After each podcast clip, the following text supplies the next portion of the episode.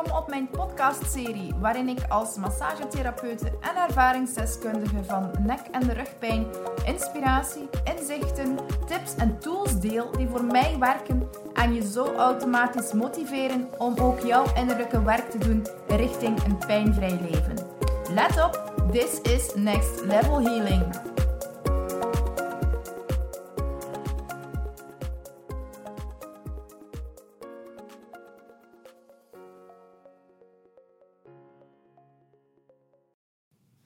Welkom op de allereerste aflevering van deze podcastserie.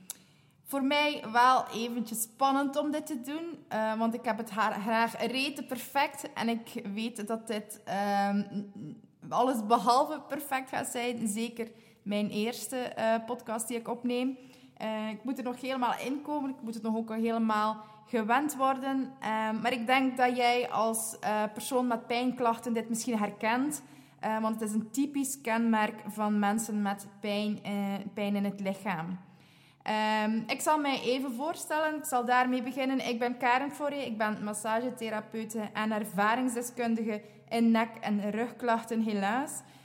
Um, ik heb 12 jaar een massagepraktijk en de laatste tijd alleen maar frustraties eigenlijk. mijn praktijk liep zodanig goed en vol dat ik bijna, bijna niet mee kon uh, met het tempo eigenlijk. Dus ik werkte uh, steeds harder. Er kwamen ook steeds nieuwe mensen bij, nieuwe klanten bij. En ik werkte nog harder en nog harder. Ik werkte ook zelfs in het weekend uh, aan projecten, omdat ik vond dat ik niet genoeg ja, impact maakte met wat ik deed in mijn massagepraktijk. Ik wist dat er nog iets, um, dat ik nog iets, ik voelde ergens dat ik nog iets miste. Um, en en die, die energie, zeg maar, die bleef aan mij trekken, die bleef aan mij sleuren uh, voor gezien en gehoord te worden. En ik voelde dat. Uh, en dat gaf alleen maar frustraties. Daarnaast was er in die periode, um, vorig jaar, um, ook iets familiaal fout gegaan, waardoor dat er eigenlijk trauma's bloot kwamen te liggen. En op 31 maart 2022 ging eigenlijk het licht uit. Uh, mijn batterij was volledig leeg en ik startte vanaf toen op de ja, zeg maar overlevingsmodus. Als mensen toen vroegen aan mij van hoe gaat het, zei ik, ik leef, ik adem. En dat was ook werkelijk alles. Um, ik, ja, ik ademde, maar meer uh, qua levensstandaard had ik niet. Um, en ja, natuurlijk dat ik zo'n hels jaar tegemoet ging, had ik eigenlijk nooit verwacht. Ik vroeg altijd maar hoe lang gaat dat duren. Uh, ik zag mensen um, van een burn-out herstellen in drie maanden. Dus ik dacht, oké, drie maanden op mijn tand bijten. Uh, dit eventjes doorstaan, maar het, uh, het ging niet over aan drie maanden. Ook niet aan vier maanden, ook niet aan vijf maanden. Um, en um, ja, het was echt, het was echt overleven. maar ik denk dat dat overleven al veel vroeger is gestart uh, dan, dan wanneer het echt het licht uitging bij de burn-out. Ik denk dat dat al van jaren terug is. Um, en ik veronderstel um, dat dat gekomen is van, van in mijn puberteit eigenlijk. Uh, want vanaf mijn zestiende had ik helse pijn en onderrugpijn dan vooral. Met periodes wel. En ik weet nog heel goed, ik zat op de uh, op de schoolbank en ik had zoveel pijn dat de tranen in mijn ogen stonden in mijn onderrug. En uh, ik kon geen enkele zithouding aannemen. Ik kon ook de stoel niet verdragen onder mijn poep, zeg maar. En mijn vriendin ging dan uh, om een deftige stoel naar de leraarzaal. Elke dag sleurde ze die stoel op de trappen naar boven, waar, waar ik nog altijd super dankbaar voor ben dat ze dat deed. Um, uh, ja, medicatie die kreeg ik niet en um, er werd ook eigenlijk verder van dat niet, niet, niet naar gekeken. Uh, en toen ik um, uh, op mijn, denk um, 21 was ik zwanger van mijn oudste zoon. Toen kreeg ik bekkeninstabiliteit, kreeg ik ook pijn in de rug. En dan op mijn 23, dat weet ik heel goed, kreeg ik een soort stijfheid tussen de schouderbladen. Uh, en dan is het zo doorgegaan tot, um, tot, tot dat eigenlijk de volledige uh, bal barstte eigenlijk van, uh, tot op de burn-out. Um, en in mijn burn-out heb ik natuurlijk mij er moeten zien uitploeteren met alle kennis die ik sinds mijn massagepraktijk had opgedaan. Moest ik zelf gaan toepassen, met de kleine dingen natuurlijk, voor te starten. Wandelen, uh, wat beweging, veel rusten, ontspannen, inspannen, ontspannen. wat mindfulness, meditatie en zo verder en zo verder.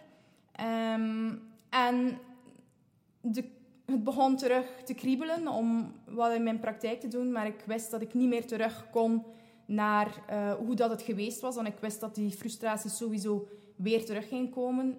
Um, dus ik moest verder gaan en door mijn eigen herstel, ehm, door het te moeten gaan uitzoeken hoe ik hieruit moest komen, ben ik um, begeleid, denk ik dan, door mijn gidsen misschien, uh, of door het universum, laat het ons zo zeggen, uh, ben ik begeleid naar heel veel informatie die dat dekken wat ik eigenlijk wou doen naar de toekomst toe. Uh, en hoe ik mensen dus echt ehm, veel dieper kan helpen. Want um, ja, mijn frustratie kwam eigenlijk... Ik zag heel veel mensen, ook heel veel verschillende mensen. En die kwamen dan en dan werkte ik aan de triggerpoints. En uh, mensen waren heel tevreden van mijn werk. Uh, maar natuurlijk, de volgende maand waren die, die klachten er terug. En ik dacht, ja, maar oké, dat zit dieper. Hoe kunnen we naar die diepte gaan? En ik heb dat ook geprobeerd met hypnose en zo. Um, via coaching. Ik heb er allemaal heel mooie resultaten mee gehad, maar uh, ik was nooit echt 100% tevreden. En, uh, en nu begint alles uh, in zijn plooi te vallen en het stroomt ook. ik ben nu aan het werken aan een, een online programma, een groot online programma, waar ik mensen echt wil meenemen om het innerlijke werk te doen, maar dan op een lange termijn gezien. Uh, en dan via een paar sessies uh, bij mij, via coaching en lichaamsgerichte therapie, uh, daarin te gaan begeleiden. Dus um, moesten er mensen zijn die luisteren die ook een burn-out hebben gehad of die een burn-out hebben. ik lees dat ook bij andere mensen. Um, ik denk dat het um, ja, een hel is met een houden randje, zal maar zeggen. Uh, want je zoekt toch... Die frustraties zijn er niet voor niks. Die frustraties waardoor dat je eigenlijk burn-out bent geraakt, um, zijn er omdat je zou groeien. Zo ervaar ik het. Um, omdat je ergens niet tevreden bent over hoe dat gaat in je leven of op je werk of, of een combinatie van of in de familie. Uh, en dat je zou uh, daar knopen doorhakken, dat je ja, je grenzen gaat stellen. Hey, dat hoor je misschien wel heel vaak zeggen, van grenzen stellen. In het begin dacht ik, wat ben jij met je grenzen? Maar ergens uh, klopt dat heel goed. Um, dat je echt voor jezelf gaat staan en uh, je eigen leven eigenlijk vorm durft te gaan geven. Dus uh, moeten we boos zijn op de frustraties? Nee, die frustraties moeten we omarmen. Ze zijn natuurlijk heel, heel vervelend, maar, maar ze brengen jou wel tot een bepaalde groei. En dat is ook bij mij aan de gang. Uh, ik kan nog niet zeggen dat ik er helemaal ben, maar wie kan dat wel? Maar ik ben wel bezig. En um, ik wil um, het ook voor mezelf al uitspreken. En dat doe ik nu via deze podcast. Um, dat er iets in ontwikkeling is. en dat ik met iets bezig ben. het is voor mij belangrijk om, om dat de wereld in te sturen. en op die manier ga ik, uh, ga ik verder.